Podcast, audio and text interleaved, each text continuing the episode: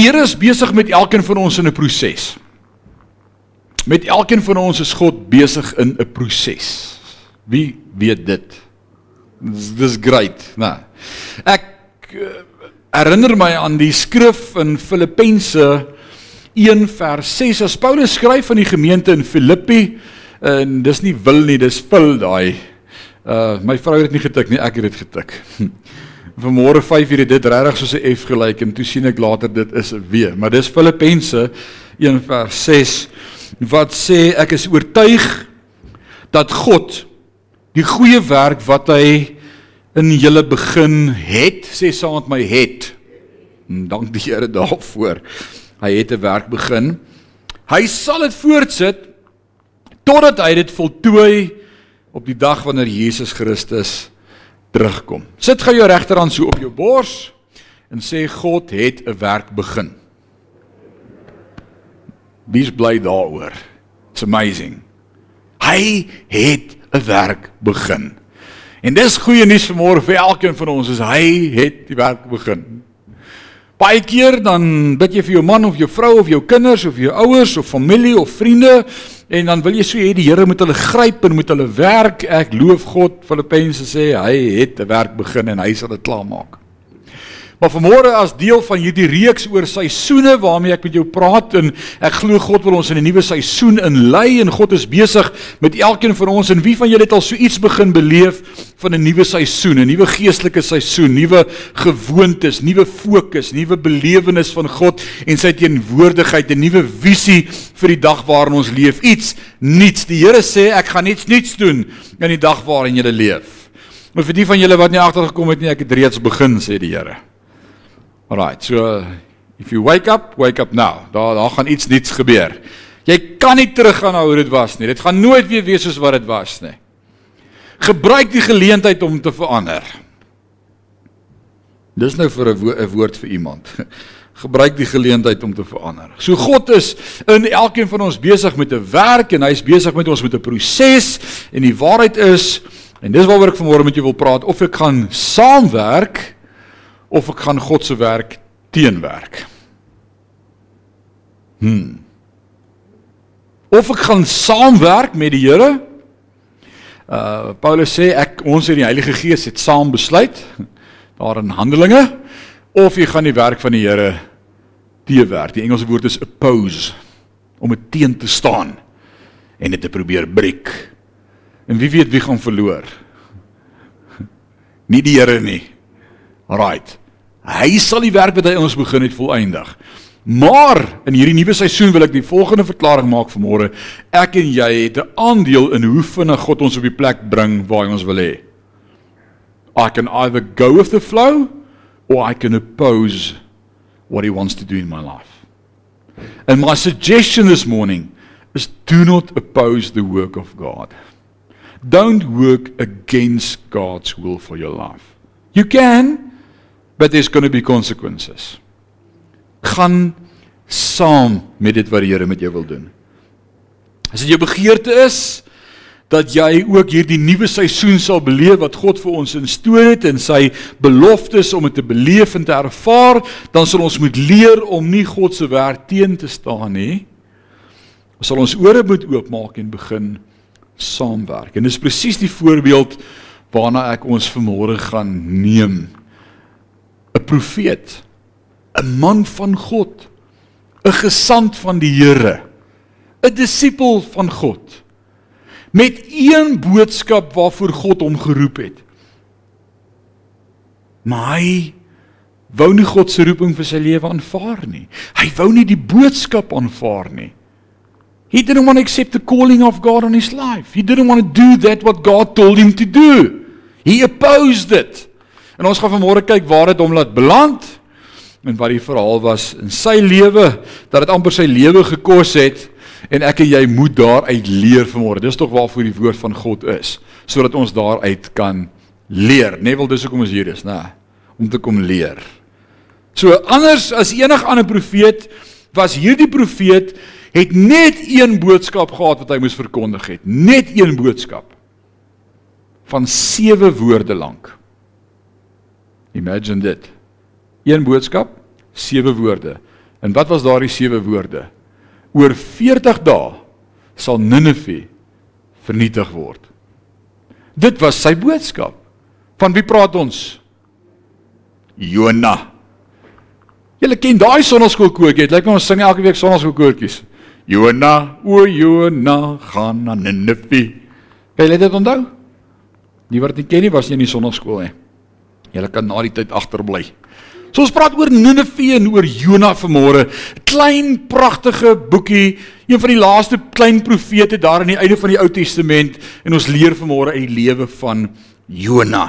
Nou anders as enige ander profetiese boek is die boek Jona nie reeds 'n reeks boodskappe en klomp preke en klomp uh profeseë van God aan die volk en 'n klomp geskrywe nie, maar net een boodskap.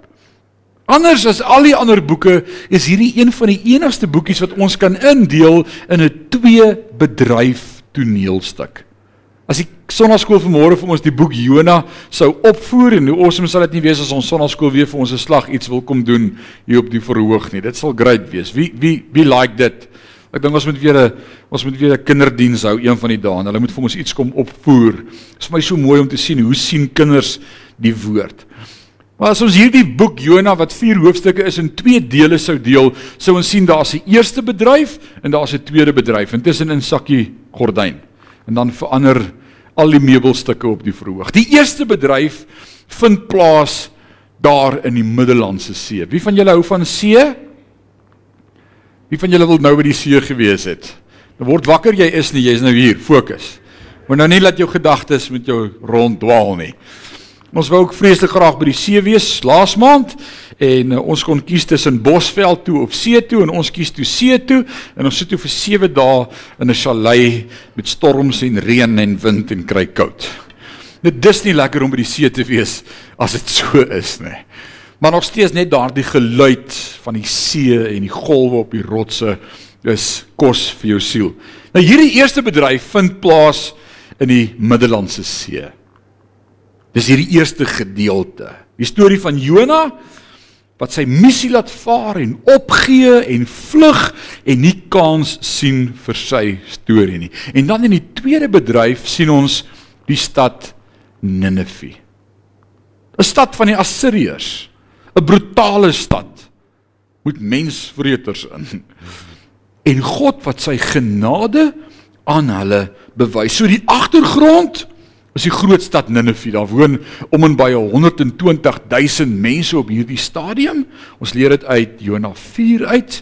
Die plot is Jona het uiteindelik sy missie vervul. Die ster van die rolverdeling is God want sy genade word geopenbaar en Jona is net die ondersteunende akteur en daar's ook 'n blitsverskyning deur 'n reuse vis. Nou sê baie mense vir my, there's something fishy about Jonah. Ons weet nie lekker van die boek Jonah nie. Dis van julle wat sê ons sluk nie so lekker daaraan nie. Ag ekskuus, vergewe my. Ek het so lank voorberei om iets te kry wat pas by die vis. Ehm uh, die kritisie en die psigo geleerdes het verskillende maniere voorgestel waarop ons hierdie boek moet implementeer en verstaan en en en toepas in ons lewe. En daar's verskillende teologiese sieninge selfs in die gelowige kerk en milieu rondom hoe om na die boek Jona te kyk. Alraai. As dit nou dit by jou laat wakker maak, wat wys wat gebeur as ek daai prentjie vir jou wys? Jy het een van drie maniere waarop jy kan reageer. Die eerste ges, sommiges meen dat dit bloot as 'n mite geïnterpreteer moet word en dat dit interessante verhale uit die ou tyd is, maar nie letterlik opgeneem moet word nie. Dis uit die volksmond, dis amper iets soos Moby Dick of Robinson Crusoe. Dis dis 'n uh, pie in the sky. Dis net sommer 'n uh, Julle verstaan as ek sê Okay, alright. Tog net ek gee my ouderdom weg, maar Dit is sommer net 'n illusie wat geskep word. Dis nie 'n werklike storie nie. En daar's teoloë wat dit glo en daar's teologiese dosente wat klas gee by teologiese instansies en opleidingsentrum waar teoloë geleer word oor die Bybel en daar word vir hulle soos Jy kan jou nie steur aan Jonah nie. Dit is net sommer net mitologie. 'n Storie uit die ou tyd. Dan's daar hiper Christene of gelowiges, profete wat hiper interessant na hierdie gedeelte kyk as allegorie en slegs allegories daarna kyk wat sê nee die prentjie wat hier vir ons verduidelik word eintlik in hierdie verhaal is dat Jona die Joodse volk verteenwoordig. So hy's net die prentjie van die hele Joodse volk en die groot see beeld al die nasies van die wêreld uit waarin die Jode afgegooi is om vir 7 dae, dit wil eintlik sê 70 jaar in Babylon opgesluk te wees. Babylon is die groot vis en na 70 jaar het keiser Kores hulle uitgespoeg terug Israel toe en gesê gaan herbou die tempel. En toe is die tempel weer herbou en dit leer ons in Nehemia. Dis daardie verhaal. Dis net allegories. Dis 'n 'n prentjie wat pas by die geskiedenis en dis eintlik hoe Jonah geïnterpreteer moet word. Dis interessant, né? Het jy dit al gehoor? Want dis daar's baie stories daar buite. En dalk sit jy vanmôre en kyk na die prentjie en sê ja, wel ek het al gewonder. Hoe kan 'n mens vir 7 dae in die maag van 'n vis oorleef en is dit regtig so en hoe moet 'n ou dit dan nou vat? Is dit nou net 'n uh mitologie, is dit is dit regtig allegories? Ek wil vanmôre sê die derde manier wat vir my die enigste manier is om na hierdie storie te kyk is om dit histories te implementeer. Om dit te sien as 'n stuk geskiedenis wat waarlik gebeur het. Daar's nie nou amens nie, maar kom ek verduidelik dit. Kom ek staaf dit aan die hand van die woord van God. Dis nie 'n mite of allegorie nie. Dit spreek van 'n werklike gebeurtenis. En hoekom sê ek dit? Eerstens omdat daar in die Ou Testament na die profeet Jona verwys word. In 2 Konings 14 vers 25 kan jy dit gaan lees. Dat daar vir ons vertel word van die profeet Jona en ook van sy ouers en ook dat hy 'n werklike persoon was met 'n tuisdorp wat geïdentifiseer is waar Jona gebly het. So ons leer iets in die Ou Testament uit ander boeke wat Jona bevestig, maar meer as dit nog. Tweedens word daar in die Nuwe Testament deur Jesus twee keer na Jona en na Ninive verwys. Jesus bevestig, hy verifieer en bekragtig hierdie storie wat ons gedink het net 'n mite is. Hy sê nee, dis nie 'n mite nie, dit het reg gebeur. Nou wonder ek hoekom is die duiwel so slinks om sekere gebeure rondom die Ou Testament te probeer verdoesel en weg te steek en dat ons nie daaroor praat nie. Hoekom glo ons juis dat dat wanneer wanneer daar gepraat word oor Genesis of oor Jona of selfs oor die boek Daniël dan het ons hierdie illusie van nee, maar jy kan dit nie letterlik opvat nie. Die skepingsverhaal in Genesis klomp vraagtekens, kritisie, teoloë van ons dag wat sê nee, dit kon nie 'n goddelike skepping gewees het nie. Hoe kan die Here in 7 dae alles gemaak het wat evolusie ons eintlik leer? Die feite is dit het oor biljoene en biljoene jare gebeur. Wat weet die Christene tog nou? Vra die wetenskaplikes, die ooms met die dik brille. Hm. Ek gaan niks daaroor sê nie. Jy sien ek glo Genesis is juis die eerste keer wanneer God reeds Jesus Christus se koms na die aarde profeteer. En die duiwel haat dit en wil dit diskrediteer en afbreek dat ons nie meer in ons dag glo dat van die begin af dit God se plan was nie. En daarom is daar soveel vrae rondom Genesis. Maar dit is baie interessant wat Jesus doen dat hy in Matteus 16 vers 4 juis die skepingsverhaal aanhaal en kwoteer om die grondslag vir 'n moderne huwelik vas te lê en te sê dis God se plan en daar was 'n skepping. Jesus bevestig Genesis se verhaal. Amen, that's amazing. Daniel Daar's soveel vrae rondom die boek Daniël. Hoe moet dit geïnterpreteer word? Wat beteken dit? Het Daniël drome gehad of was dit nagmerries? Dit kon nie nagmerries gewees het nie want hy het nie vleis geëet nie. Hy het gevas. Alraight. So wat was hierdie drome en hoe word dit geïnterpreteer en en, en is dit relevant tot ons dag? Daniël en die vraag hoekom daar's baie vraagtekens is agter, is dit praat juis van die wederkoms van Christus.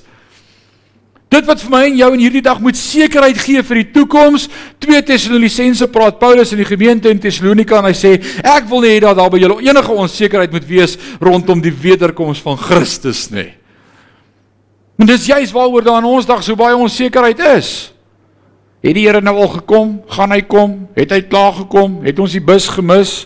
Waar in Openbaring trek ons? Is daar nog 'n ding soos 'n wegraping? Wanneer gebeur die wegraping? Ek hoor gister die teoloog wat sê ons trek al in Openbaring 17. Toe dog ek my genade. Ek's nog in Openbaring 3. Nou wanneer het die res gebeur? Want ek glo dit gaan gebeur as ek nie meer hier is nie.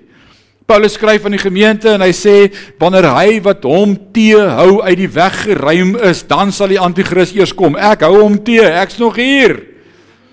Right, solank as wat ek hier is, kan die anti-kris nie kom nie. Hy's naby, maar hy's nog nie hier nie. Sorry as jy nie glo soos ek nie. Mag jy 'n tyd van seën hê wat vir jou voorlê. Ek het iets om na uit te sien. Die eerste bladsy van die heel eerste boek Genesis sien ons die proto-evangelikum, die eerste vermelding van die evangelie boodskap. Jesus sal kom en hy sal die kop van die vyand vermorsel. Dis goeie nuus. In Daniël 7 sien ons hoe God sal heers oor al sy vyande en hulle sal vernietig na sy wederkoms. En in Jona vraagtekens oor Jona en die vis en hoekom almal wonder hoekom dit so was en wat gebeur het daarin kom ek deel vanmôre die boek Jona se vier hoofstukkies in vier punte met jou vanmôre as deel van 'n lewe wat God ons wil lei na 'n nuwe seisoen. Dis die tema waaroor ons praat, 'n nuwe seisoen. Sê saam met my, nuwe seisoen. Wie van julle is reg vir 'n nuwe seisoen? Bring it on. Ek is reg daarvoor. Change of scenery sal awesome wees.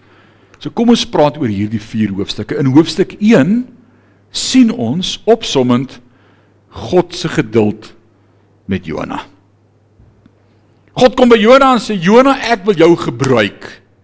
Ek wil jou stuur na die stad Ninive met 'n boodskap. Hier's 'n woord van God vir jou. Jona gaan sê net vir die stad oor 40 dae gaan ek hulle verwoes. Dis al wat jy moet doen. Maar ons gaan in hoofstuk 4 sien hoekom Jona dit nie wou doen nie, want ek sou dit eintlik gelike het om vir daai klomp Assiriërs te gaan sê julle einde is in sig. Wie sou dit like om so 'n woord te bring vir iemand? Onthou Assiriërs het het Israel gehaat. Hulle het die Jode doodgemaak. Hoeveel keer was daar veldslae gewees? Partykeer wen Israel, partykeer verloor Israel. Hulle maak ouens dood. Hulle is 'n terrible nasie.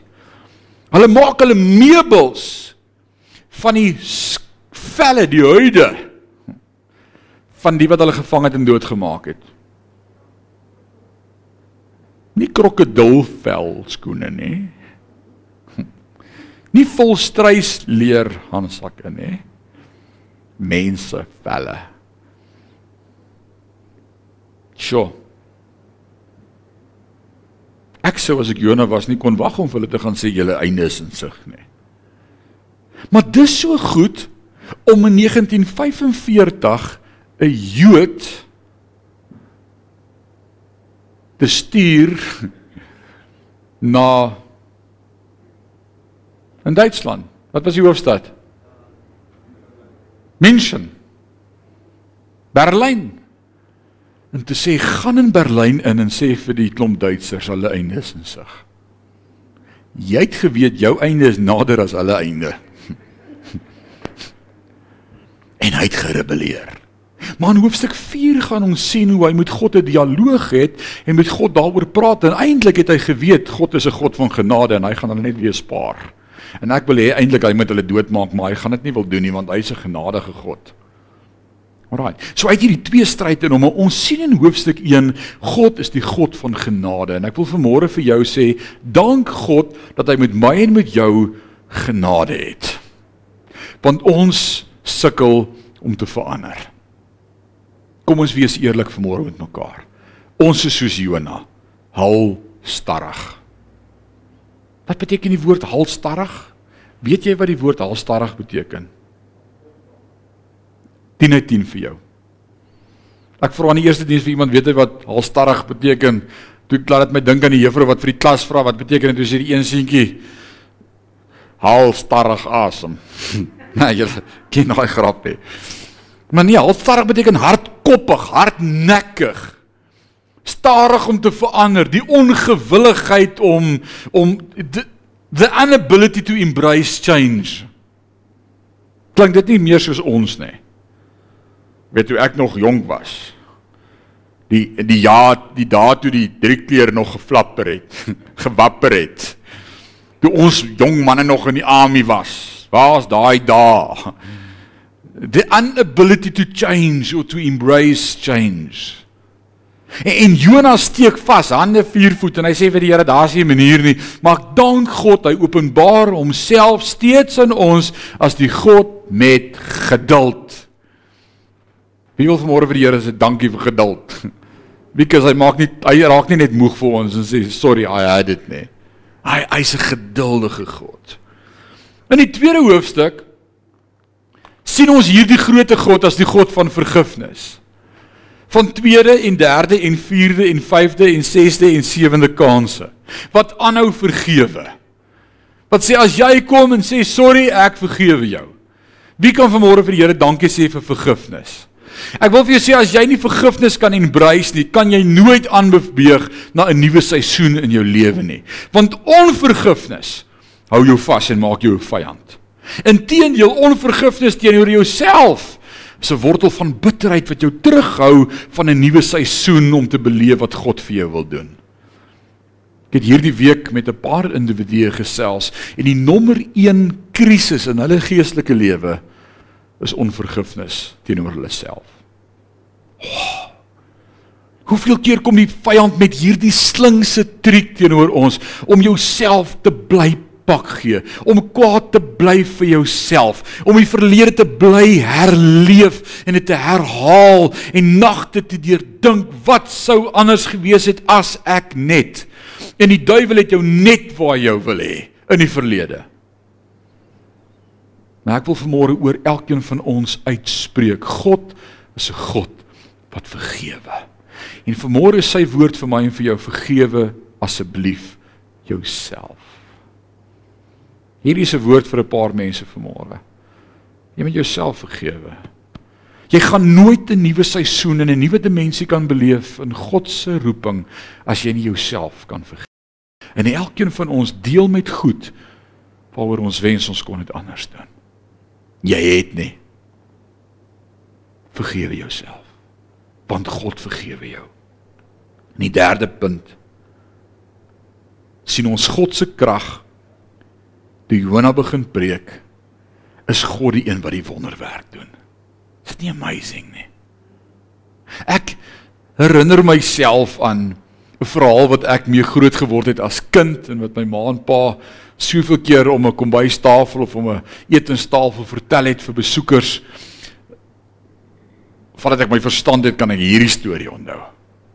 Maar toe ma en pa voorberei het vir die bediening en geroep is vir die bediening, het ons in Kreeusdorp gebly. Ek was toe 'n kannetjie en uh, toe is my sussie gebore en toe het hy klaar studeer, maar my oupa en ouma het in Barberton gebly. Wie weet Oos-Transvaal, Barberton, pragtige plek.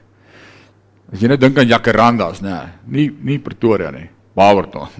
Dis Jacaranda stad. Pragtig. En, en my ouma en oupa het op 'n plaas gebly daar. My oupa was 'n boer en my ander oupa was die pastoor by die kerk en my ander oupa was die visie voorsitter en dis hoe my pa en ma ontmoet het en toe nou getroud is en dis hoe ek gebore is. Dis uit Barberton uit. Ek is daar gebore in Barberton. Vir die wat wonder hoe werk dit.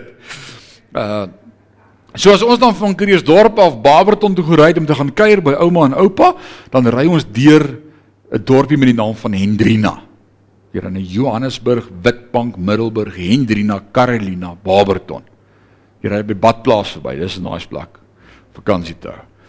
Maar elke keer as ons verby Hendrina ry, dan sê my ma vir my pa, Sandy, die Here moet ons net nie eendag in Hendrina sit om hier vir hom te kom werk nie.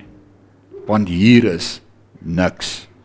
Dis grondstrate, daar's 'n kafee, 'n bank, 'n stopstraat en dan is jy uit die dorp uit. Vredefort is groot. En so doen hulle proefjaar, hulle hulle hulle praktiese jaar in Sasol Suid gemeente, AG Sasol Suid by pastoor Meton in 79 en einde 79 89 kom die beroepe uit en elke college student wat nou sy prakties deurgekom het word geplaas na 'n gemeente toe en almal kry hierdie groot gemeentes Ermelo in in in in die stad en en hier en daar en en is great. En uiteindelik kry my pa 'n brief van die hoofkantoor af. En hy maak die brief opgewonde oop hy en my ma. En in die tema in die subject line in sake dubbelpunt hoofletters bold Hendrina.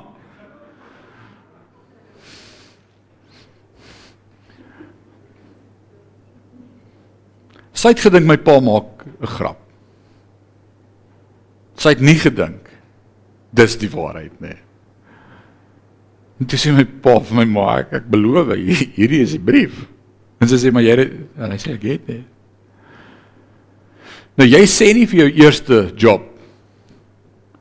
Nee nee. En so huil hulle voor die Here en bid voor die Here en kan nie regtig nee sê nie, maar sê ja met 'n swaar hart en pakkie trek lorrietjie en ons is in Drina toe. Stofstrate. Ons trek in in Van Rensburgstraat 28. So stofstraat. Hy's op die hoek van twee stofstrate. Ek het groot geword in 'n dorpie met grondstrate. Ek het van die kaskar af my nerve afgeval op daai Paul weet waarvan ek praat. Presies van En in daai 7 jaar in Hendrina was dit die 7 awesomeste jare van in die bediening. Die Here bless hulle uit hulle skoene uit. Die gemeente groei. Hulle bou 'n nuwe kerk. Hulle hulle hou 5 bidure 'n week. Die gemeente bars uit sy nate uit. Twee nagmaaldienste op 'n Sondag waar daai kerk vol sit van voor tot agter. Want God wil jou soms op 'n plek hê waar jy nie wou wees nie. Maar hy wil hê jou hart moet verander en sê ek vertrou dat U weet wat U doen. Maar ek sou dit nie kies nie. Jona moes oorgee en sê Here, vat my dan nou maar na die plek toe waar ek nie wil wees nie, sodat U grootheid en U krag geopenbaar kan word. Dis hoe God werk. Dis alles God. En dalk is jy op 'n plek waar jy sê ek wil nie wees nie. Ek like nie hierdie hoofstuk in my lewe nie. Ek sou dit nie vir myself kies nie. Ek sou nie die toneel so geskryf het dat ek in hierdie omstandighede sit nie, Here. Maar as dit is waar U my wil hê, dan sit oukei. Okay, dat U krag daardeur gedemonstreer kan word. Ek en jy moet oorgee sodat God kan doen wat hy wil doen. Ek het 'n getuienis. Laas sonoggend het ek gepraat oor twee faktore wat hierdie nuwe seisoen in jou lewe kan bespoedig: gehoorsaamheid en geloof. Saggeus in die boom, as hy nie geluister het toe Jesus sê klim af nie, het hy die bus gemis. Maar hy het gehoorsaam gewees. En geloof en dieselfde met Abraham. Laas Sondagmiddag is ek besig om voor te berei vir woordskool en hierdie woord van die oggend is in my hart en in my gedagtes en, en en ek sê Here help ons as Sion gemeente ook om om om gehoorsaam te wees en om te luister en te wag vir U en sensitief te wees vir U stem. Ons Sondag aand preek ek woordskool en is 'n great tyd en ons praat oor 2 Tessalonisense 1 vers 5 en verdrukking en en tawwe tye om vas te hou aan die Here en terwyl ek die slotgebed bid Terwyl ek besig is om te bid, hardop vir almal, is die Here besig om met my te begin praat. Nou kyk, jy moet disleksie as jy dit kan regkry. My linker en my regter brein loop besglad nie aan mekaar vas nie. Ek kan twee goed gelyk doen. En ek sê Here, wat wat sê jy? En die Here sê bid siekes vanaand. Ek sê Here, ons het hierdie ding jare terug met mekaar uitgesort. Ek sal preek Ek sal musiek lei, ek sal partykeer soms dalk as dit moet profeteer, maar vir siekes bid is nie my is nie my bediening nie. Ek is nie netjie van 'n Westhuizen nie. Moenie nee. En die Here bly stil. En ek bid klaar en nou weet ek die Here het iets gesê. En toe ek amen sê, toe sê ek vir die ouens op YouTube, "Bye, sit af, al die kameras af, maar die ouens sit Ek sê okay. As hier dalk iemand is met en die Here het spesifiek vir my gesê waarvoor moet ek bid? Ek sê la rugpyn hier onder. Ek sit my hand so op my kruis. Ek sê hier. As hier dalk iemand is moet ek vir jou bid. En vier staan op en kom staan voor. En sê ek, Here, rarig. OK, ek het gesê ek moet bid, so ek gaan nou net bid. As U nie gesond maak nie, is dit nou U probleem. No pressure on me. Ek ek het hierdie dialoog met die Here. En U wil ek moet bid, dan bid ek. Kom dat ek vir julle bid. Ek bid vir die eerste een, bid vir die tweede een, bid vir die derde een, bid vir die vierde een. En toe ek amen sê, toe hoor ek hoe sê die Here vir my, vra vir hulle of hulle of hulle nog pyn het. Ek sê no, we're not going there. Nee, nee, nee, nee, nee, ek het gesê ek moet bid, dis nou klaar. Gaan ons gehoorsaam wees of gaan ons nie gehoorsaam wees nie? En ek vra, en die wat hier was kan my uitdra. Ek vra, wie het nog pyn? Twee sê, nee, hulle is dadelik gesond. Ja, en een sê nee, hy het nog 'n bietjie pyn. Ek sê wel, dan moet ek weer vir jou bid. Here, ek weet nie wat wil u doen nie, maar u beter dit nou doen. Dis nou 'n goeie tyd om dit te doen. En die Here raak hulle al vier aan. En hier kom die wonderwerk. Hier kom die awesome. Daar het ouens nie uitgekom vir gebed nie Sondag aand wat later in die week my bel en sê pastoor ek wou nie weer opstaan nie want ek het al soveel keer uitgegaan vir gebed. Maar toe ek by die huis kom toe besef ek die Here het my gesond gemaak.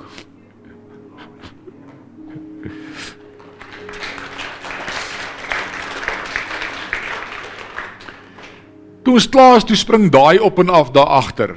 Ek sê she's dying to say something. Ek sê daai wat wat sê jy? Sy sê while you were praying, I laid my hand on my shoulder and God healed me. Are, are you still healed? Die? ek het nie gebid vir ons skouer nie. Ek, ek het nie ek het nie eens vir hom gebid nie. Louis Louis loop vir jare met 'n rugbesering waar hy op die plant by die myne 'n 'n 'n skreet, 'n sif wou val en toe probeer hy die seat keer en en hy dit crash hom en hy maak wervelseer en hy sê ek ek ek leef met pyn. Ek het nie eens opgestaan nie. Hy sê en die Here het my gesond gemaak. Ek maak keer niks. 'n Vroukie kom sê vir my sy sê ek het 23 het vanmôre daar gesit tussen julle twee op daai leebank. Sy sê ek het 23 jaar geloop met rugpyn nadat 'n volstruis my geskop het. Ek leef met pyn. Ek het al vir die Here gevra kom haal my want ek kan dit nie meer. I cannot withstand the pain. So toe ek Sondag aan by die huis kom en ek het die wys so afblik, toe besef ek huh, my reg met keer niks. Dis vandag 'n week, maar reg met jou nog steeds niks. Wat wil ek vir jou sê? Dis wanneer ek en jy bereid is om te sê dan moet dan doen ek nou maar wat u gesê het. Wat die Here sê, nou maar dan wys ek vir jou my krag. For when I'm weak, I'm strong. His strength is perfect when our strength is gone. He'll carry me when I can't carry on. Dalk voel jy vanmôre Rarig, wat kan een my situasie doen? Jy kan vanmôre oorgee om te sê laat u naam geheilig word. Laat u koninkryk kom. Laat u wil geskied. Soos in die hemel, so ook op die aarde. Hier's vermoere mense wat hulle situasies vir God moet oorgee en sê, "Oké, okay, ek wou nie wees nie, ek wil nie wees nie, ek rebelleer, ek is halstarrig. Maak is nou hier. Wat wil u doen? Wat wil u doen?" En dan die vierde awesome punt wat ek leer uit hierdie verhaal uit. En daai moet 'n 4 wees, nie 'n 3 nie. Is God se hart. Ek leer God se hart. Jonas sou eerder wou hê God moet afreken met hierdie Filistyn volk en hulle stref, traf en doodmaak. Maar God is so awesome. Hy preek, hy sê na 40 dae gaan julle stad verwoes word. Die koning maak sy hart sag. Hy hoor die stem van die Here. Hy roep 'n vasdag uit en die hele stad, almal huil voor God en bekeer hulle tot God en die hele stad kom tot bekering. Is dit nie 'n genadige God nie? En dan wat my verstand te bowe gaan is Jonas nie opgewonde en bly en koordans nie. Hy gaan sit op 'n bult buitekant die stad en hy wens hy kan doodgaan. Hy sit in die son en hy voel asof die lewe klaar is. En dan laat God 'n boom groei agter hom om skare weer oor hom te maak